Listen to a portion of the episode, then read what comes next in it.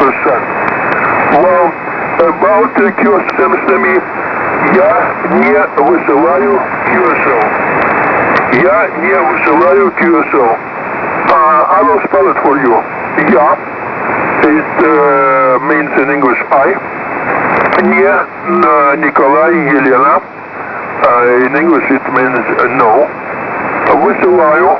Uh, in English it's send. Uh, I spell it for uh, this word. Uh, Vi- Victor, the letter U. Uh, Sergei, another U.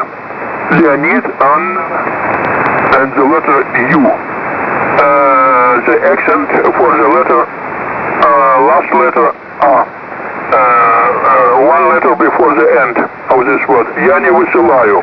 Не высылаю. Я не высылаю QSL. Я не высылаю QSL.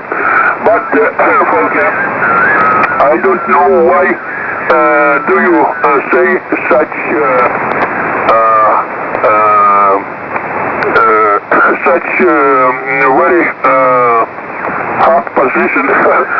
well, and to say frankly, I am not quite agree with you about QSL card. Well, but it seems to me that we will continue discussion about this subject uh, later the next time. Well, I don't know uh, how it will be possible for me uh, to come to the frequency the next time. Uh, first of all, mm, you know that I'm not quite uh, well at the moment, and another reason, the weather is not quite good also.